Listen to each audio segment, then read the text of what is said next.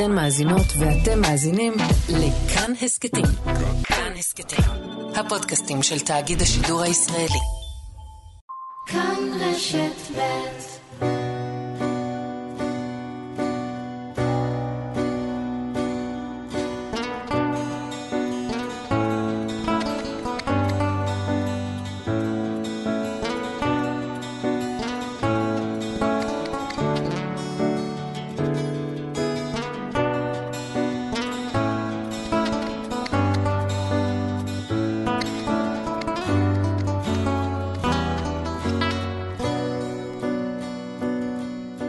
שבת שלום. לפני כמה שנים הוזמנתי להנחות קונצרט של הפילהרמונית בג'ינס. ראיינתי את המנצח זובין מטה על הבמה לפני הקונצרט, סיפרתי לקהל על היצירות ועל הפסנתרנית הסינית הידועה יוג'ה וואנג שעמדה לנגן בפניהם. ואז ירדתי אל מאחורי הקלעים. התכנון שלי היה להתפלח חזרה לעולם דרך מסדרונות נסתרים כדי ליהנות מנגינת התזמורת. אבל מנהל הבמה עצר בעדי ואמר שזה בלתי אפשרי. מה זאת אומרת התקוממתי? אני מנחה את הפילהרמונית בג'ינס ו- ואני לא אשמע אפילו תו אחד מהיצירות שמנגנים היום, זה לא לעניין, שלא לומר ממש לא פייר. אתה יודע מה? אמר מנהל הבמה שתחינתי נגעה לליבו, ביצירה השנייה של שטראוס לא כל הנגנים משתתפים. אז אחרי שתציג אותה, רד מהבמה אל מאחורי הקלעים, אבל אז תעלה על הבמה מחדש, תתיישב לך על אחד הכיסאות הריקים בתוך התזמורת ותהנה מהמוזיקה. אתה בטוח? היססתי, זה לא ימשוך את תשומת הלב של הקהל, יוציא את הנגנים מהריכוז. לא, אתה רואה את הכיסא ההוא שמוסתר על ידי הפסנתר, הוא הצביע על כיסא נידח במיוחד, תתיישב שם, אף אחד לא ישים לב, יהיה בסדר.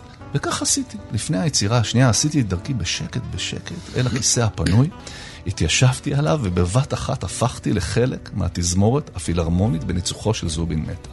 נגן בלי כלי ובלי עמוד תווים, מקשיב לכה אמר זרטוסטרה של שטראוס, הפעם מהזווית של התזמורת. החוויה הייתה מרטיטה, בלתי נשכחת, ומה שהכי נחקק לי היה המנצח.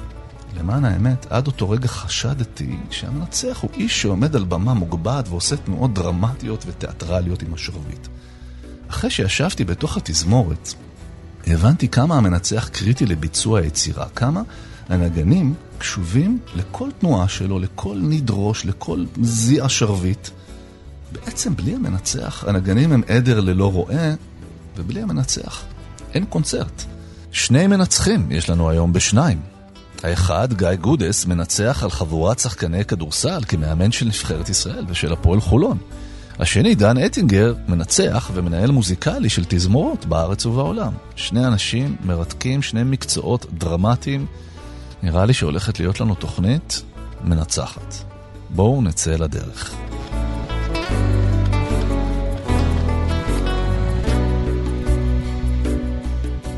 בהרצאות שהוא עושה למנהלים על התמודדות עם לחץ, גיא גודס, מאמן נבחרת ישראל בכדורסל, אומר להם, תארו לעצמכם שהייתם מגיעים כל יום לעבודה בלי לדעת אם עדיין תחזיקו במשרה שלכם בסוף היום.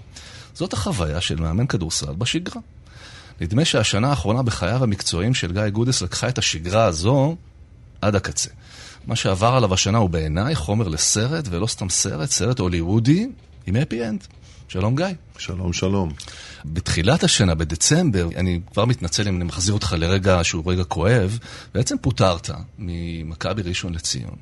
אחרי שורה של הפסדים, איך מרגיש מישהו שמפוטר מקבוצה שהיא לא, זה לא קבוצה אה, מקרית, זאת, זה סוג של בית. קודם כל אתה מרגיש אה, מאוד מאוכזב מעצמך, אתה מרגיש לא טוב, וזה קרה לי פעמיים בקריירה, זה קרה לי במכבי תל אביב בשנה השנייה שאימנתי, וזה קרה לי בפעם השנייה בראשון לציון, אחרי אה, שנתיים מדהימות, שהיינו כמעט אה, שלוש או ארבע פעמים בגמר, ובשנה השלישית, אחרי שחתמתי חוזה לשנתיים, השנה התחילה לא טוב, לא מצאנו את השחקנים הנכונים, הכל היה מקורטע, ואחרי קורונה, ושוק קשה מאוד, וכשהתחלנו את הליגה, דברים לא זרמו. ואתה כל היום נאבק עם עצמך ומנסה למצוא את הדרכים ולשנות ולחזור לדרך המלך, ואתה לא מצליח, אז ההרגשה היא לא טובה.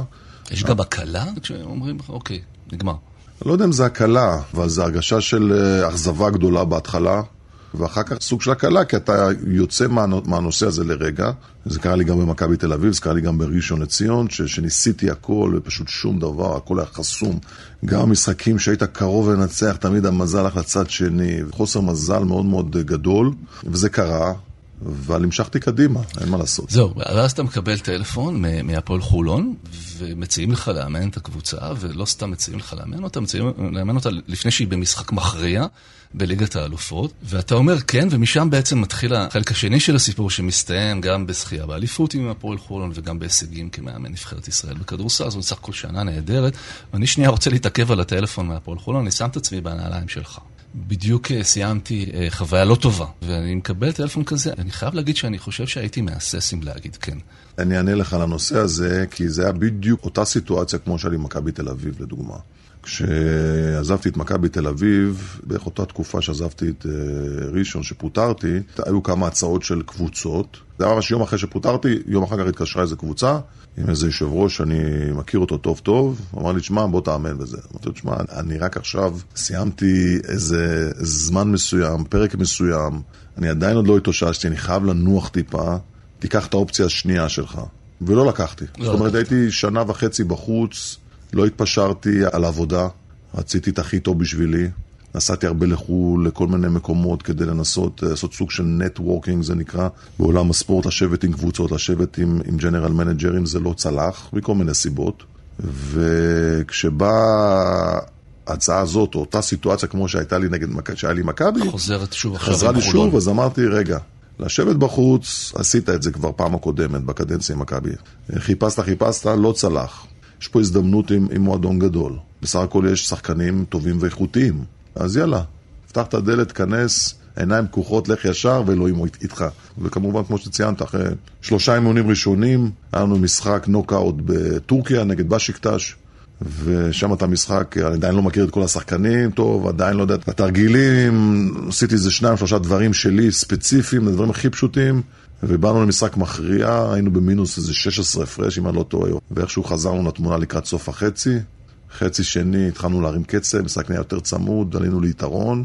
ואז בסוף המשחק השלושה של גיא פניני מהפינה, שהביא את ההכרעה לחולון, ומשם אני תמיד אומר, הכל היסטוריה. אני מקשיב לך, ולמרות שזה כבר קרה בעבר, אני מפתח לחץ אה, תוך כדי הקשבה, זה באמת נשמע סיטואציה מאוד מלחיצה. מאוד. אז דווקא אני רוצה לשאול אותך מהכיוון של המאמן, איך אתה עובד עם שחקנים שנמצאים בלחץ, או במשבר אה, של נגיד רצף של משחקים לא מוצלחים? אני חושב שהיום חלק מאוד גדול בלהיות מאמן זה נושא הפסיכולוגיה, זה לגעת בשחקן, זה לגשת אליו, וזה הדברים הראשונים שעשיתי בהפועל חולון שהגעתי, בסך הכל היו שם שחקנים מאוד מאוד ותיקים, ניסיון, זה לשבת עם מוקדי הכוח, אני אקרא לזה, או השחקנים המובילים, אם זה הזרים ואם זה הישראלים, להבין מהר מה הבעיה, מה הם חושבים. תגיד שאני שחקן, אוקיי? אנחנו בשיחה עכשיו, אז אני, מה, אני, מה, אני מה שואל, אתה שואל אותי? דבר ראשון, שאלה ראשונה, מה קרה בקבוצה? מה, למה מאמן פוטר? מה הסיבה? אוקיי, איך אני מסתכל על האירוע? איך אני מסתכל על האירוע מהצד? מה הבעיות שיש בקבוצה, לדעתך אישית? ואז שחקן משמיע לי את כל מיני דעות, יותר אישיות או מכוונות לשחקנים אחרים.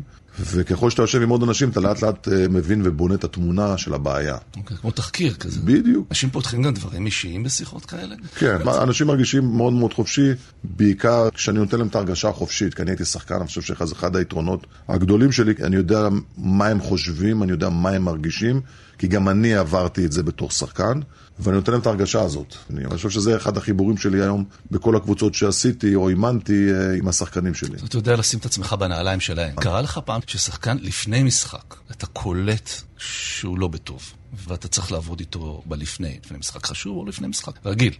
זה קורה הרבה, כשאתה רואה שחקנים במהלך האימונים קצת לחוצים. קרה לי את זה שחזרנו מה Final 4 בבילבאו. זה היה ממש שלושה ימים אחרי זה היינו צריכים לשחק כבר נגד גליל בפלייאוף, שחקן כזה או אחר, כמו שאמרת, בלי שמות. אני אגיד גם זר, כי יש הרי מספיק זרים, אז אי אפשר לדעת השם. לא היה מפוקס. איך אתה קולט שמישהו לא מפוקס? אני, אני קולט את זה.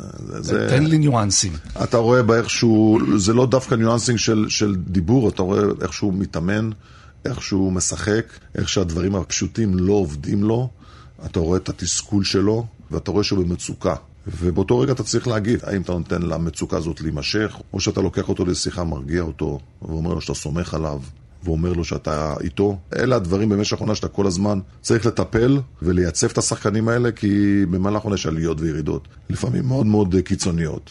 וכמו שאמרת, גם אצלנו כמאמנים, אנחנו הרבה פעמים נמדדים, כמו המשחק האחרון שלנו. כן. ואתה צריך כל הזמן לזהות סיטואציות, לזהות מוקשים, לזהות שחקנים במצוקות, לזהות קבוצה במצוקה, ולנסות לפתור אותה. זאת אומרת, בעצם מאמן כדורסל צריך להיות בן אדם מאוד רגיש. אתה צריך רגישות מנטלית שתהיה לך. אתה צריך לזהות את הלב ואת הראש של השחקן, ואתה צריך לדעת לד... לפנות ולדבר אליו. כי השחקנים, זה לא משנה מה הגיל, זה כמו ילדים. הם צריכים את היחס, הם צריכים גם את המילה הקשוחה, לא לעבור את הגבול. ואתה צריך להתנהג על זה ככה. זהו, יש בעניין הקשיחות, יש סרט שנעשה על המסע של הפועל חולון בליגת האלופות, ויש סרט שאתה נכנס לחדר הלבשה. האמת שהופתעתי. לא ראיתי את הגוון הזה ממך ברעיונות אחרים, אתה פשוט נכנס לחדר הלבשה ואתה כועס מאוד, הסיבה שאתה כועס זה כי לא מילאו אחר ההוראות. כן. אז זה כעס כי אתה חושב שהכעס יהיה אפקטיבי, או שאתה עושה הצגה של כעס, או שאתה באמת ממש כועס. אז אני אתחיל מה, מהסוף דווקא. קודם כל, הרבה פעמים אני כועס, ואני מגיב לכעס. זאת אומרת, כשאני אומר לאנשים, אל תתבלבלו בין החזות איתי לבין הרוגע שלי, כי יש גבול שזה משתנה. אבל אני יכול להפוך למישהו אחר. וזה לפעמים שאנשים מאוד רגועים, ופתאום הם, כמו שאמרת בצנה של הסרט, עוד פעם, זה לא מבוים, זה משהו שהוא אמיתי. ואפרופו, כמו שאתה אמרת, יש לי הרבה חברים שהם לא קשורים לכדורסל, או נשים של חברים שלא קשורות לכדורסל, וכשהם ראו את הסרט, הם דיברו איתי פעם ראשונה, אמרו, אנחנו לא מאמינות שאתה ככה מסוגל להתנהג. מי זה? מי זה? אנחנו לא מכירות. וזה היה מצחיק אותי, כי באמת, זה העולם שלנו, של הספורט, של הלחץ הזה. בכל משחק אתה יכול להישאר או ללכת הביתה. לפעמים אתה גם עושה מניפולציות, אני לא אשקר. לפעמים אני מרגיש את הקבוצה קצת רדומה. ואני מרגיש את זה במשך השבוע של האימונים, אבל בסוף שבוע יש לי משחק סופר חשוב, או שהם באובר אה, ביטחון, ואני צריך אה, לעשות מניפולציות כאלה ואחרות. לביים דרמה. בדיוק, ועם השנים למדתי לעשות את זה, ועשיתי את זה, ואני משתמש בזה הרבה פעמים, אם זה באימון, פתאום אנשים רואים אותי משתולל ולא מבינים מה קרה לבן אדם, או אם זה חדר הלבשה, זה פתאום מטונים נמוכים, אתה עולה פתאום בבת אחת לטונים קבועים ופתאום משתולל בחדר לפני המשחק. ואנשים, רגע, רגע, מה קרה? עוד לא התחיל המשחק. יש כל מיני מניפולציות שאתה לומד וצריך לעשות, מהפן הפסיכולוגי כמובן, כדי להעלות רמת עוררות. כן, אני רוצה לדבר על תוך כדי המשחק, זאת אומרת, מה שנקרא ניהול משחק. יש פה איזה ציטוט שקראתי לקראת השיחה בינינו, שאתה אמרת שמאמן מקבל 250 החלטות. במשחק, שזה באמת, זה כמעט שקול לטייס במובן הזה. אז אני דווקא רוצה לשאול אותך דרך דוגמה, זאת אומרת, אם אתה יכול לחשוב אחורה על שתי החלטות, נגיד, החלטה שקיבלת תוך כדי משחק והייתה אינטואיטיבית לחלוטין, ואתה אומר, וואו, זה היה רגע שמסתכל עליו אחורה בסיפוק, ומהצד השני, החלטה שקיבלת ו- וטעית. זה מצחיק, בדיוק אתמול ישבנו עם כמה חברים ודיברנו על הנושא הזה, ואתה עכשיו מעלה אותו. שאמרו לי, היה משחק של הנבחרת וכולי זעתי, ואשתי אמרה, עם החולצה אפשר לספוג אותה במים, ואנדרנלין מטורף, וזה המקביל שאנחנו מדברים על קבלת החלטות של מאמן.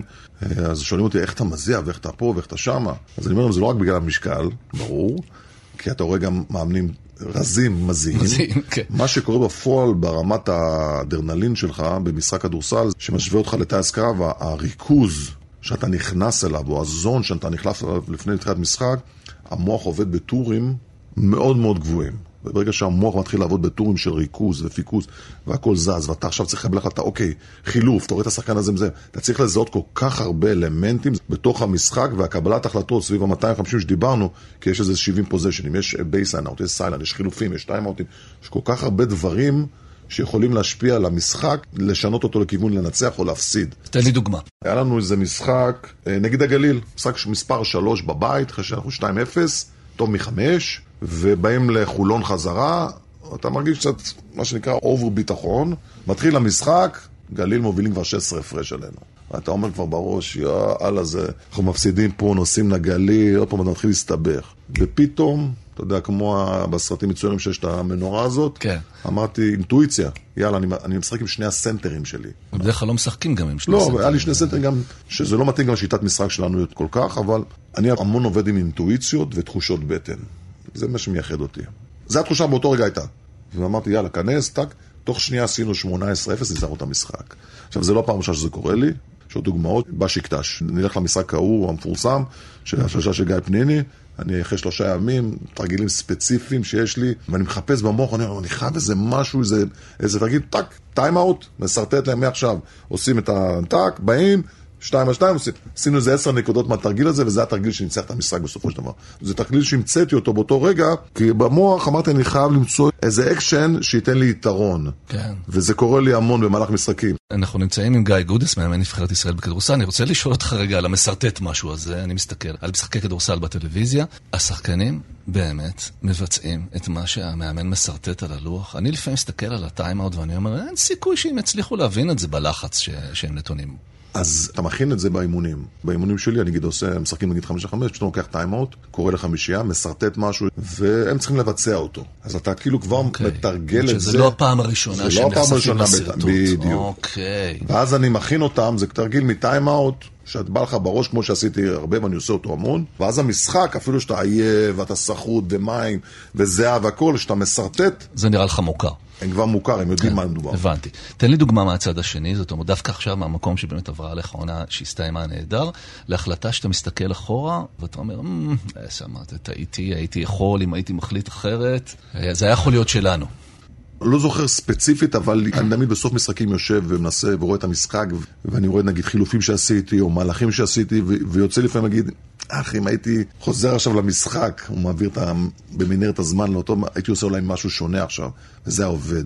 באותו רגע זה לא עלה לי בראש. אז זה קורה לי, שזה אני גם המון ביקורת על עצמי, ותמיד הייתי גם כשחקן, וגם כמאמן אני יושב ובודק כל הזמן את החילופים, הם היו טובים, אם עשית המהלכים הנכונים, ואני טועה גם, אני בן אדם כמו כולם, ואני מנסה ללמוד מזה. אתה הזכרת שחקן, וכמובן הזיכרונות הראשונים שלי ממך, זה כשחקן באחד הספורט הנה, אתן לך דוגמא, הנה, עכשיו נגעת. כן. המשחק הספציפי שאתה רוצה לדבר עליו, כן. הפועל חיפה, מכבי תל אביב. משחק השלושות. שלושות, בדיוק, שבע שלשות, תשע ניסיונות. אתה בכלל שחקן, ואנחנו מדברים על שנת? 87, 8, כן. זה הבן של היום הולדת שלי, 16, 13 למרץ, ואתה קולע שלשות, קולע, והקבוצה המשחק השלישי, זאת אומרת, אם אנחנו מנצחים, חצי גמר הפלייאוף, אנחנו עוברים את מכבי תל אביב הגדולה. איך עופר שלח כתב במעריב יום אחר כך? לא יודעים אם השמש הייתה זורחת למחרת. ובסוף הכדור היה אצלי, ופיני חוזז דאז היה לעמדת הלואו פוסט עם מוטי דניאל, ובמקום אה, לעשות איזה מהלך ולזרוק לסל כי אני חם, קולעתי כבר 21 נקודות, ניסיתי למסור לו, מוטי דניאל חטף, הם עלו להתקפה, לבן מרסר קיבל את הכדור על השלוש, בחיים לא זרק מהשלוש, קלע והפסדנו. והנה, 25 שנה אחרי, ואתה עדיין זוכר את זה, זה 35 שנה. ואם אתה מחזיר אותי עכשיו כן. לשם, היום אחרי כל הידע שיש לי, כן. אז אין סרט שאני נותן את הכדור למישהו. כי אני חם. כי אני חם, ועשיתי את זה אחרי זה כמובן שהייתי יותר בוגר, עשיתי את זה גם במדעי הנבחרת, על הניצחונות, אבל אז הייתי ילד. ובאותו רגע זו הייתה המחשבה הראשונה שלי, לתת את הכדור למישהו קצת יותר מנוסה ממני, או הרבה יותר מנוסה ממני. והיום אני מתחרט על זה. התיאור של המשחק, אתה משדר אותו כאילו שזה עכשיו.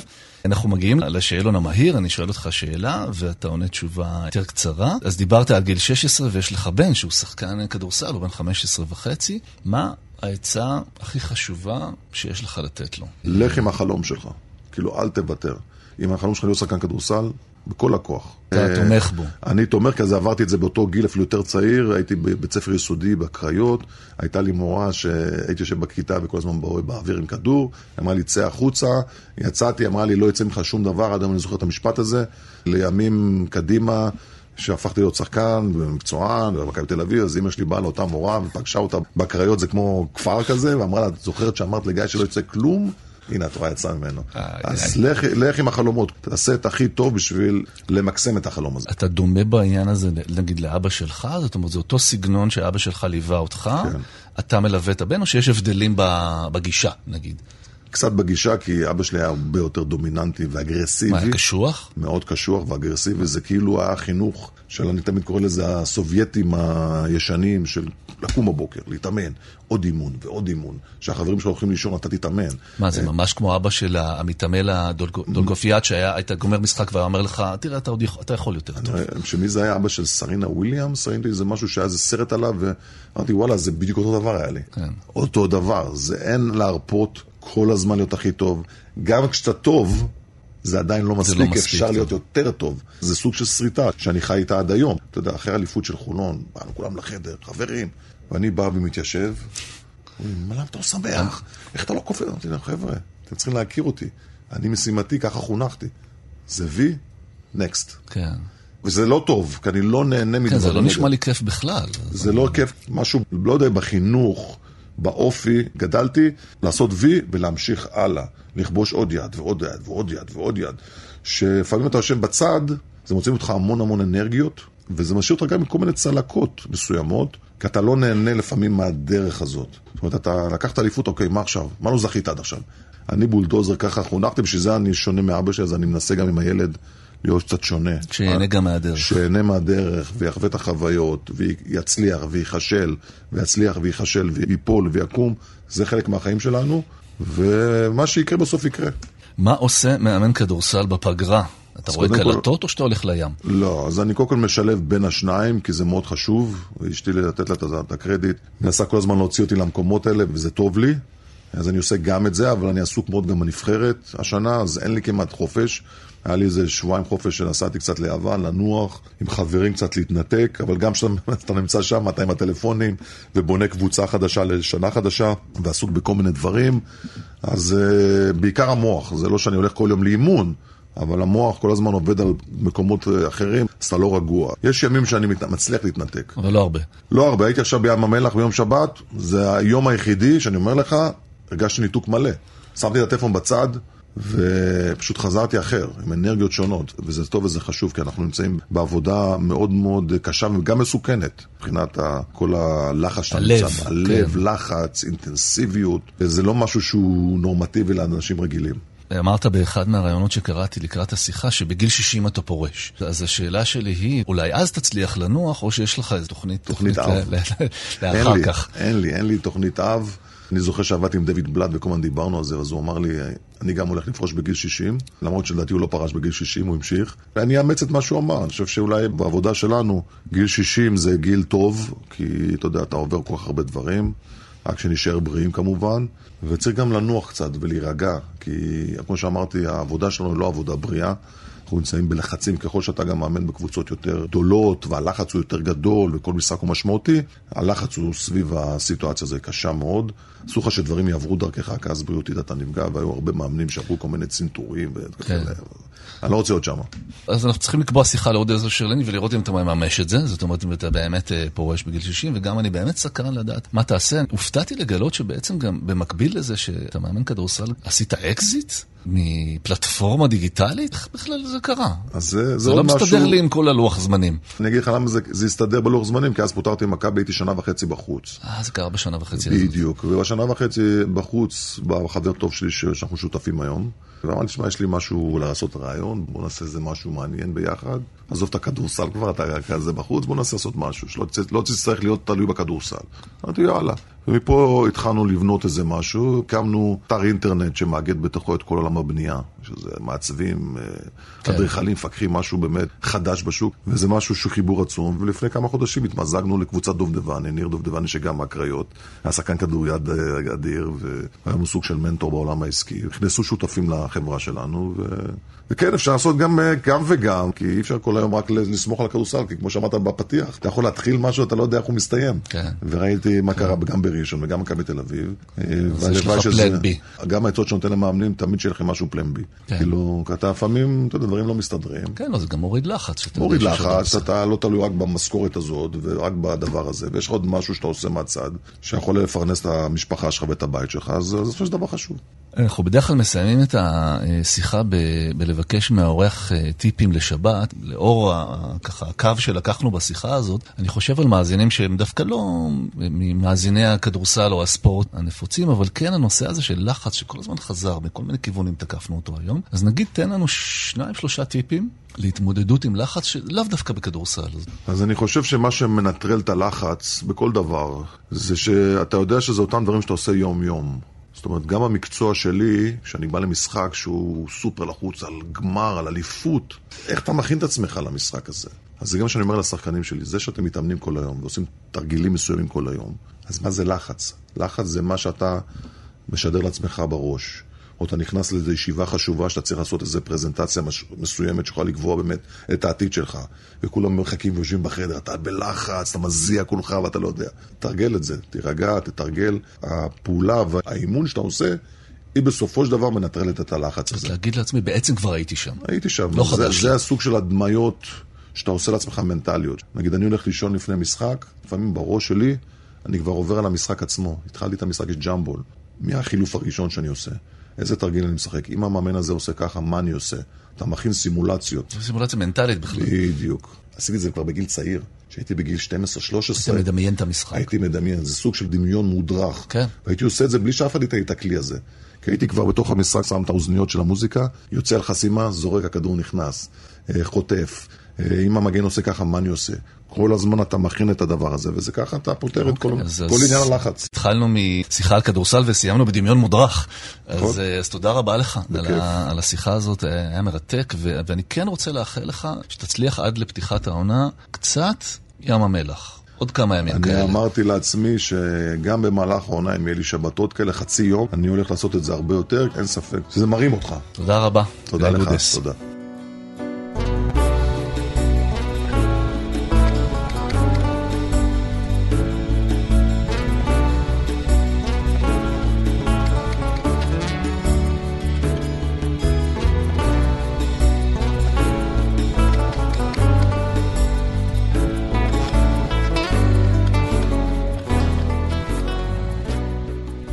דן אטינגר הוא המנהל המוזיקלי והמנצח הראשי של האופרה הישראלית ושל התזמורת הסימפונית ראשון לציון ושל התזמורת הפילהרמונית של שטוטגרט והוא גם המנהל המוזיקלי של בית האופרה סן קרלו בנפולי, איטליה.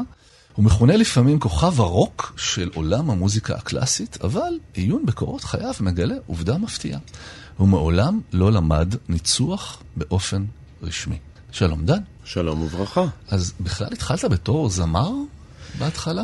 התחלתי בתור פסנתרן, כמו ילד בן אה, חמש אה, בחולון, שבדור ההוא עוד כמעט כולם למדו פסנתר או חלילית או whatever, וניגנתי פסנתר עד שהתחלתי ללמוד בתלמה ילין בגבעתיים בתיכון.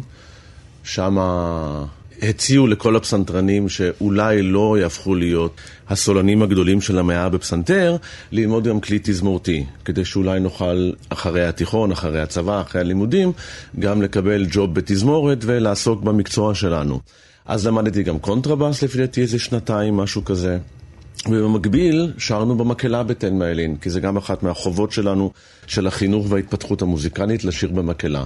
ואז לא רק שגיליתי או גילו לי שיש לי קול לא ידעת, לשיר, לא ידעת לא ידעתי. אז. תמיד אהבתי לשיר, אבל אה, לא, לא קיבלתי אף פעם גושפנקה רשמית, ונדבקתי בחיידק הזה שנקרא שירה ומוזיקה ווקאלית, וזה גרם לי מהר מאוד לשים בצד בעיקר את הקונטרבאס, אה, כי זה היה האחרון ברשימה בינתיים, ולשים את הפסנתר איכשהו כ number 2, ולהשקיע את כל כולי וכל נשמתי שנדבקה בחיידק הזה, והתחלתי בעצם לשיר. הייתי עוף מוזר מאוד בשנות ה-80. היה איזשהו gap רציני בשירה האומנותית בארץ. היה דור לפניי של זמרים, זמרי אופרה, קונצרטים אה, שכולנו הכרנו, חלקם עזבו את הארץ, עשו קריירות אה, בחו"ל, ואיכשהו אנחנו נשארנו באיזושהי בצורת. אני נורא נהניתי מזה, כי להיות עוף מוזר אתה מקבל בתשומת את כל. את כל תשומת הלב. כן. שנים אחר כך גיליתי מתלמידים שלי שהתחילו לשיר בגללי. או בזכותי, תלוי, כל אחד וה... זה עוררת איזה השראה. זה נורא ריגש אותי לשמוע את זה באחד השיעורים או בכמה שיעורים שתלמיד פתאום מצא ואמר לי, אתה יודע, אני חייב לספר לך משהו. אני בעצם התחלתי לשיר בגללך. מה, מה צריך לשמוע יותר מזה בשביל, בשביל להבין שלפעמים אנחנו משפיעים על אנשים? זמר תלוי מאוד במיתרי הקול שלו. אז קראתי ככה לקראת, ה, לקראת השיחה בינינו אה, איזושהי, משהו שאמרת שמאוד מאוד התחברתי אליו, כי אני גם מרגיש לפעמים, במיוחד בתקופות של הרצאות, כל שיעול קל הוא מעורר אצלי איזה חשש שזהו, אני אין, זהו, אני הלך, הלך השבוע, אה, אני לא אצליח. אתה יודע, תמיד שואלים אותי אם אני מתגעגע לשיר, אחרי שעזבתי את השירה לטובת הניצוח. ואני אומר, אני מאוד מתגעגע לשיר, אני ממש לא מתגעגע ללהיות זמר. וכמו שאמרת, להיות תלוי כמובן בשני מיתרי הקול, שהדבר הראשון אתה מתערער בבוקר, אתה עושה לראות שהם נסגרים, אבל כמובן שזה להיות כמו, כמו רקדנים או ספורטאים, להיות תלוי 100% ב- בכל שריר אה, בגוף שלך, כי הגוף שלך הוא הכלי. אז לזה אני לא מתגעגע. לא שבניצוח זה פחות, אבל כשאתה זמר אז אתה תלוי בזה 100%. אם זה לא עובד, אתה לא יכול לתפקד. מי היה הראשון שזיהה שאתה יכול להיות מנצח? כי זה לא מעבר שהוא מעבר נפוץ מעמדת הווקליסט לעמדת הניצוח. אני אנסה להגיד את זה בצורה הכי צנועה שאפשר. קודם כל אני. אה, ולמה אני אומר את זה ככה? כי אני זוכר את עצמי כילד, כנער, מול, אה, לאו דווקא המראה, אבל מול החלון, שראיתי, יכולתי לראות את ההשתקפות שלי בחדר שלי, בבית של ההורים בחולון, מנצח להנאתי על הקלטות. ונהנה מזה, נהנה מה, מהתחושה איך המוזיקה מועברת לתוך הגוף שלי.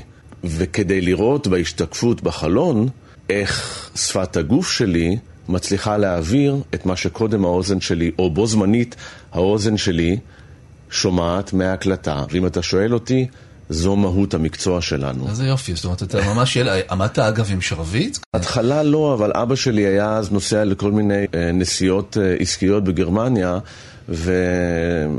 ובמקום טובלרון או צעצועים ביקשתי ממנו שיקנה לי שרביט ניצוח. אז היית עומד בתור ילד עם שרביט בבית בחולון ומנצח על תזמורות דמיוניות. ומנצח על תזמורות אה, שהייתי שומע בהקלטות, בקלטות או דיסקים שהיו לי בבית, ופשוט נהנה מזה. הייתי בונה לעצמי scenario, אם אתה יודע, כמו ילד של ממש כאילו חווה את הקונצרט. מה יש את החוויה לפני, דרך הביצוע עצמו, כולל יש את החוויה אחרי. בוא לא נתבלבל. אתה היית לבד בחדרך בחולון. כן, זה היה השעשוע הנרדי שלי של אז. לא למדת ניצוח באופן רשמי, וזה אומר שלא צריך ללמוד ניצוח, או שפשוט היה לך training on the job, למדת על ידי התבוננות באנשים אחרים? תראה, אפשר להיכנס פה לשיחה של שעות של באמת, מה זה ללמוד ניצוח? וברור שיש דברים שצריך ללמוד, ולמדתי אותם בדרכי שלי.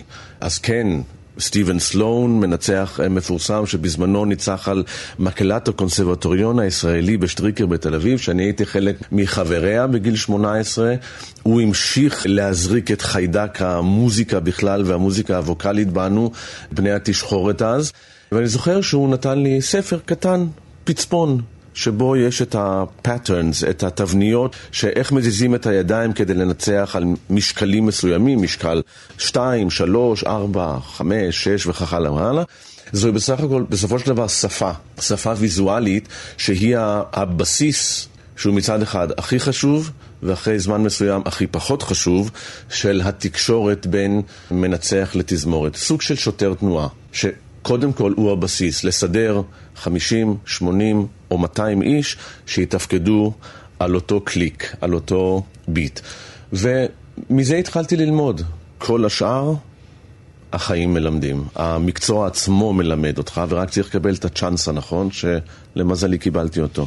אז בוא ניכנס רגע באמת לעבודת המנצח. באמת להבין אותה מבפנים. אתה בעצם אמור להעביר משהו שיש לך בראש לנגנים, והכלים שאתה משתמש בהם זה, זה לא רק השרביט, נכון? זאת אומרת, יש, ממה שאני התרשמתי באותה חוויה בישיבה בתוך הפילהרמונית, זה לא רק השרביט, זאת אומרת, יש, יש ארסנל שלם של, של תנועות גוף, ויש גם, נדמה לי גם מבטים, נכון? זאת אומרת, ודאי. אז עם מה אתה עובד? ודאי. תראה, אני בשנים האחרונות בכלל התחלתי תהליך אה, פרידה מהשרביט, גם בעקבות כל מיני תאונות מצערות שקרו לי. אה, זה בסופו של דבר כלי מאוד חד שאתה מחזיק ביד. הוא עלול להיות גם מסוכן. מה קרה?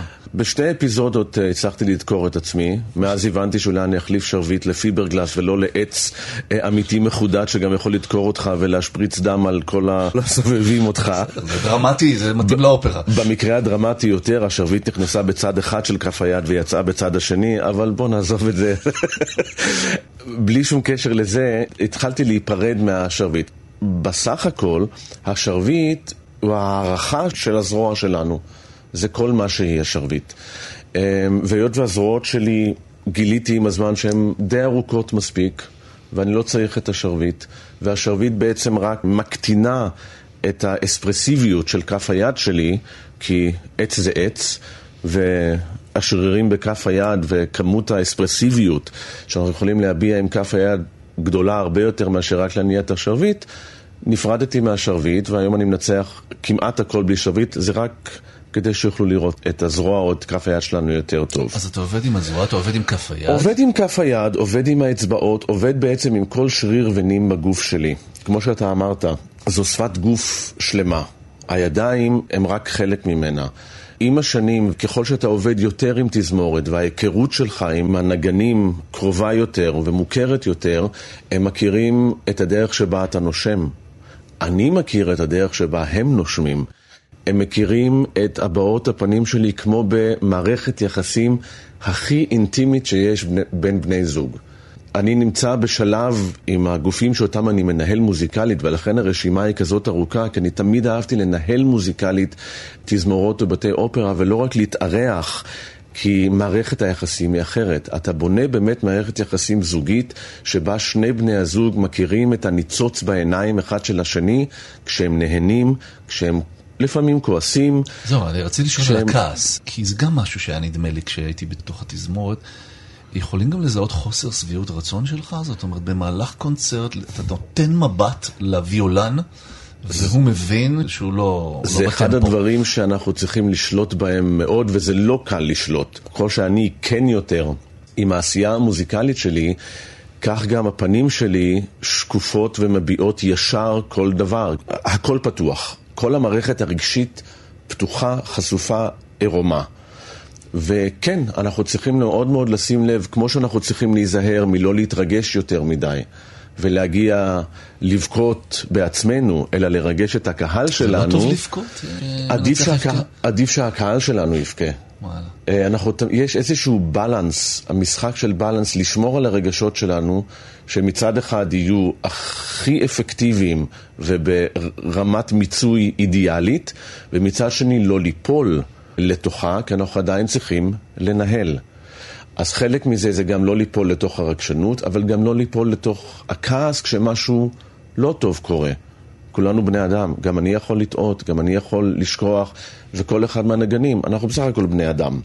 וזה מאוד קשה לשלוט בתגובות, לפעמים יוצאות תגובות, ויש מבט אטינגר מפורסם, בסדר, הוא לפעמים קורה עם הגיל. איך נראה מבט האטינגר? אני לא יודע. אתה תעשה ואני אתאר למאזינים. אז כן, יש מבטים, יש מבטים, המצח מתכמת, אנחנו מנסים לשלוט בזה, לא תמיד אנחנו מצליחים. זו מערכת שלמה של ויסות רגשות בתוך מערכת שהיא ניהולית, קודם כל. אתה מנהל ערב. אתה מנהל ערב, אתה מנהל גם טאלנטים. זה אנשים יוצרים, הם אנשים רגישים, הם לא תמיד באים לעבודה באותו מצב רוח, הם מוכן לביצוע מיידי. אז איך מנהלים טאלנטים? זאת כמה מעבודת הפסיכולוג יש גם בעבודת המנצח והמוזיקלי? לא, זה מצחיק שאתה מגדיר את זה ככה. אני תמיד אומר, במקצוע שלנו יש 100% של מוזיקה. אבל יש עוד 100% שלמים, ואני במיוחד לא מחלק את 100% הזה ל-50-50. זה 100% מוזיקה ועוד 100% של פסיכולוגיה וניהול. ניהול אנושי. אז תן לי דוגמאות. תשמע, אני הגעתי לניצוח כמעט על סף שנות ה-30 שלי, ועדיין הייתי הכי צעיר במערכת. אז קודם כל בכלל לדעת לנהל, או לתת הוראות. לאנשים מבוגרים. לאנשים שהם רובם ככולם מבוגרים ממני והרבה יותר מנוסים ממני. וכנראה יודעים גם הרבה יותר ממני. עם השנים הבלנס הזה הולך ומשתנה, והיום אני או במקום טוב באמצע או כבר לא, מתחיל להשקיף מלמעלה, ועדיין, כל מי שזוכה לשבת על, על כיסא בתזמורת. זה בן אדם שיודע לפחות כמוני, אם לא יותר. זה בן אדם שעושה את זה לפחות מספר שנים כמוני, אם לא לפעמים כפול. זה בן אדם כמוני וכמוך שמתעורר כל בוקר עם מצב רוח אחר, עם בעיות אחרות, עם חיים אחרים. לפעמים זה אנשים שצריכים לעבוד בעוד עבודה או שניים, במיוחד בארצנו הקשה, בהתמודדות הכלכלית עם כל מקצועות האומנות. ואתה צריך כל בוקר לראות איך אתה גורם לכל האנשים האלה להתלכד, לעבוד ביחד, ולא רק לשרת בצורה מאוד אגואיסטית את הרצונות המוזיקליים שלי, ששנים מתרוצצים לי בראש ואני מוציא אותם לפועל דרכם בעצם, הם הכלי שלי, אלא לגרום להם, וזה אם אתה שואל אותי הדבר הכי חשוב בתפקידו של מנצח, לעבוד ביחד. אחד הדברים הקשים, המאתגרים ביותר במקצוע שלנו, זה איך לגרום לקבוצה של אנשים גם לחשוב אותו דבר וגם לתפקד ביחד, בהרמוניה גם מושלמת. גם לוותר על אגו באיזשהו אופן, נכון? זאת אומרת, יש פה ענייני, ענייני אגו ופוקוס. נכון, מצד אחד אתה מוותר על אגו, אבל אתה לא יכול לוותר עליו, כי אין מה לעשות, הדמוקרטיה בתזמורת היא מאוד דיקטטורית. והבלנס הזה הוא משחק, משחק מאוד מאוד עדין. אז יחד עם לשמור על האגו של התפקיד שלי, האגו הזה מועבר אליהם. ואחד הדברים המאתגרים, או לפחות מה שאני מנסה ליצור, גם כדי להקל טיפה עליי כמנהל, הוא, הרי האחריות היא עליי. כשמשהו לא טוב יקרה, זאת תמיד תהיה אשמת המנצח, אין מה לעשות. כמו מאמן בספורט, כמו זאת לבוא בתלונות. למנצח, לא לנגנים. לחלוטין כמו, כמו מאמן בספורט. אז אני תמיד צוחק איתם, אני חייב להוריד את טיפה האחריות ממני, אבל בעצם האסנס של העניין הוא שבאמת לנגן ביחד בא דרך הקשבה. הרי כל אחד יכול לעשות אינטרפטציה של מה שהוא רואה ויזואלית שבא מהיד שלי. זה פתוח, כל אחד יכול להבין את זה אחרת. אבל לנגן ביחד באמת אחד עם השני בא רק עם לפקוח את האוזניים, כמו בכל שיחה. אנחנו ישראלים ידועים בלהתפרץ אחד לדברי האחרים, אבל אם אתה מקשיב, אתה מדבר אחרת. ואם אתה מקשיב לאיך הקולגה שלך מנגן, אתה תנגן אחרת, אתה תנגן, תנגן איתו ביחד, אתה תגרום לו או לה לנגן איתך ביחד, ואז נוצרת בעצם אותה הרמוניה מושלמת שלה אנחנו שואפים, ולא, היא לא באה מהשרביט, היא באה מהקשבה. אנחנו נמצאים עם דן אטינגר, מנצח ומנהל אה, מוזיקלי של תזמורות אה, בארץ ובעולם. הרשימה של התזמורות שאתה מנהל היא כל כך ארוכה שאני הותשתי רק מ- מלחשוב על איך החיים שלך נראים. אז רציתי לשאול אותך, אחד, האם זה לא מתיש, וגם הבנתי שהייתה תקופה שלקחת הפסקה. אז בוא נדבר גם על זה, על, על התקופה שאמרת עד כאן. ודאי שזה מתיש. זה מקצוע שמשתלט לך על החיים, נקודה. אין על זה ויכוח. איך כל אחד מאיתנו נותן לזה, או באיזה רמה, או באיזה בלנס זה משתלט על החיים שלך, זה כבר דבר מאוד אינדיבידואלי. ולפעמים, הגוף שלך אומר לך שאתה צריך לעצור. אז הגוף שלי אמר לי לפני חמש או שש שנים, בצורה מאוד פשוטה, זהו, די. אתה לא יכול לקום מהמיטה. אתה לא יכול אפילו להושיט את היד אה, לכוס תה שהכנת לך. אתה מתחיל אה, לקבל התקפות חרדה. אתה פוחד לצאת מהבית, אתה פוחד מהאנשים, כי אתה בטוח שכולם שונאים אותך. אצלי זה הגיע לרמה שניסיתי אה, להגיד לעצמי, לא, לא קורה שום דבר, בואו נפתח פרטיטורה, נלמד משהו, נתכונן לפרויקט הבא. והסתכלתי על, על התווים ופחדתי מהמוזיקה עצמה. בשלב הזה אמרתי, משהו פה לא בסדר. אם אני פוחד מהמוזיקה, שזה החיים שלי, זה האור אדום הכי גדול שיש. מזל שיש לי אמרגנות שמבינה ואמרה לי מיד, אוקיי, אנחנו מבטלים את שני הפרויקטים הקרובים. לבטל ברמה המקצועית שבה בעולם אני הזה מסתובב. זה לא פשוט בכלל. זה לא פשוט בכלל, זה השם שלך, זה, זה המוניטין שלך, זה האחריות שלך, ויחד עם זה זה היה ברור שאם אני לא מבטל זה רק, זה יתפוצץ, זה יתפוצץ לי בפרצוף. ביטלתי, באתי לארץ, חברים, משפחה, והתחלתי לרפא את עצמי לאט לאט. מזל שעצרתי את זה בזמן, ומאז למדתי הרבה לקחים. מה עשית בעקבות- בקורונה באמת? אתה אומר את זה, אתה אומן אה, מופיע, הופעות לא היו. הופעות לא היו, אתה בטח לא שמעת את זה פעם ראשונה, היו דברים מפחידים, קיומיים מפחידים, היות ואני לא הרווחתי שקל בחיים שלי ממשהו שלא היה קשור למוזיקה, ופתאום אני לא יכול לעסוק במוזיקה שנה וחצי. זה פחד קיומי היסטרי. מצד שני, זו חופשה מאולצת, שגם עשתה המון דברים נהדרים. בלנוח, בליהנות מהבית, מה שלא קורה הרבה עם כל הנסיעות שלי. אז זה היה מין סוג של בלנס, לי לפחות היה בלנס מצוין בתקופה הזאת, ותודה לאל שהיא היא נגמרה. לפחות כאילו מאחורינו. כן, כן, לא, אני, אני גם, גם אה, מודה לאל. אה, אנחנו ככה מגיעים לשאלון המהיר, שבו אני שואל אותך שאלה ואתה עונה בקצרה. מה העצה הכי טובה שקיבלת מסבתא שלך, שכמו שאני מבין הייתה דמות חשובה בחיים שלך? זה יצחיק אותך, אבל הכל היה סביב אוכל. אובססיית השואה והאוכל, אז זו הייתה העצה הכי טובה. תאכל? תאכל, תגמור מהצלחת. אוקיי. לגמור מהצלחת זה עצה ללכת איתה לחיים. איפה הבית השני שלך, איפה חוץ מבבית אתה מרגיש בבית? השאלה אם היה בית. השאלה בכלל מה הבית הראשון? בדיוק. הבית, תשמע, הקירות, הפסנתר, המיטה ומכונת הכביסה הם כבר 20 שנה בגרמניה. החברים, המשפחה, הסנטימנטים תמיד ותמיד יהיו כאן. כאן בתל אביב, כאן בארץ. מה שמוביל אותי לשאלה הבאה, מה, מה גרמני בך? זאת אומרת, אה, בילית שם חלק גדול מהחיים שלך, אתה גם עכשיו אה, מחלק את החיים שלך. קודם כל הסבתות, דיברו איתי גרמנית, חונכתי במנטליות הגרמנית, מה שהקל על המעבר שלי לגרמניה. אני חושב שמה שהכי גרמני בי זה הישראליות שלי. מה זה אומר? כשאני שם אני מתפרץ לדברי אחרים, כי אתה לא יכול להוציא ממני את הישראלי שמי... כשאתה פה... וכשאני פה אומרים לי שיש לי מבטא גרמני, אני לא שומע, ואני מסודר, ואני יקה, ואני... כן, אז אתה יודע. נהדר. טוב, נחזיר אותך לחייך לתקופת הזמרות והשירה שלך.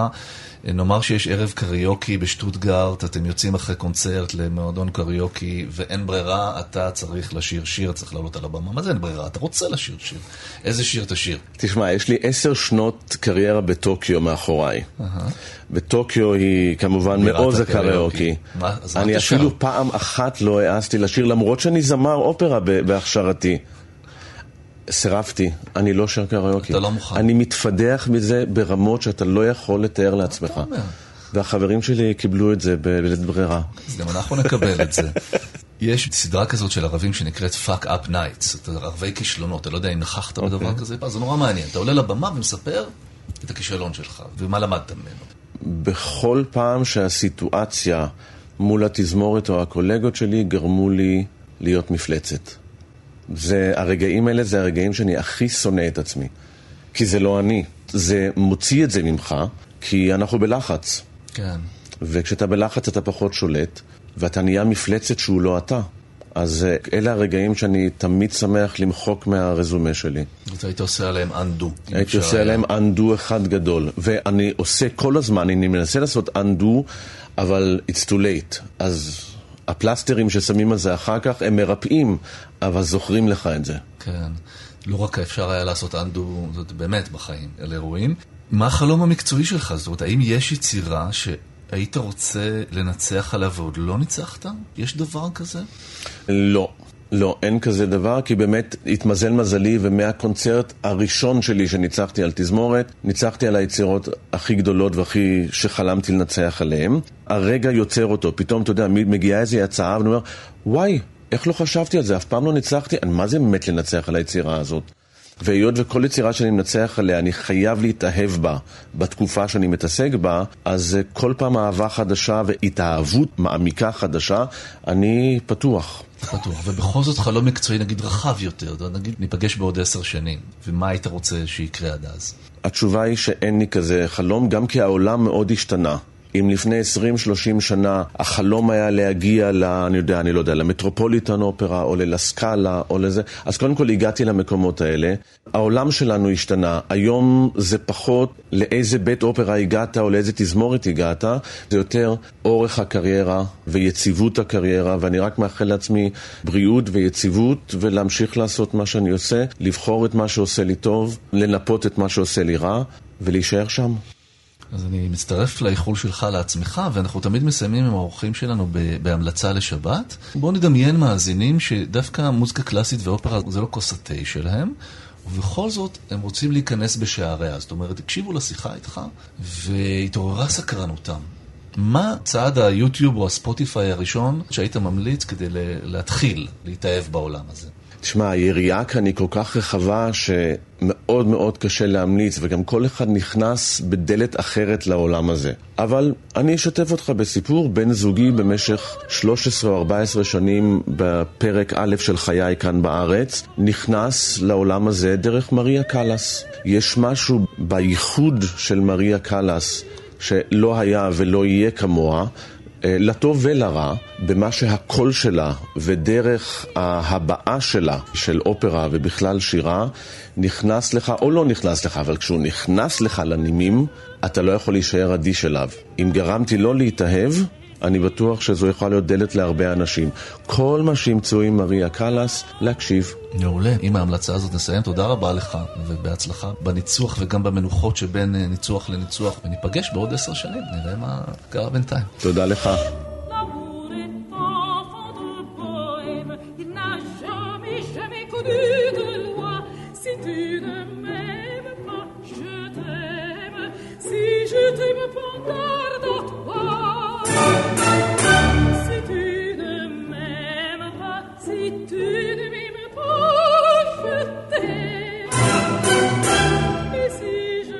אנחנו מתקרבים לסיומה של התוכנית. שני האורחים של היום באים מעולמות כל כך שונים לכאורה, אבל כמה חיבורים נוצרו בין השיחות. אז בפעם הבאה שאתם רואים משחק כדורסל, נסו לחשוב עליו בתור קונצרט, ועל המאמן כמנצח על תזמורת של שחקנים, ובפעם הבאה שאתם בקונצרט, נסו לחשוב על הנגנים כשחקנים ועל המנצח כמאמן, שמנסה להפיק מהם את המקסימום. ניסיתם? ספרו לנו איך הייתה החוויה, כתבו לנו למייל של התוכנית, אשכול שטרודלקן.org.il, ואני אגיד את זה שוב, לאט יותר, לטובת מי שהולך להביא עט וחתיכת נייר, e-s-h-k-o-l, כרוכית kan.org.il.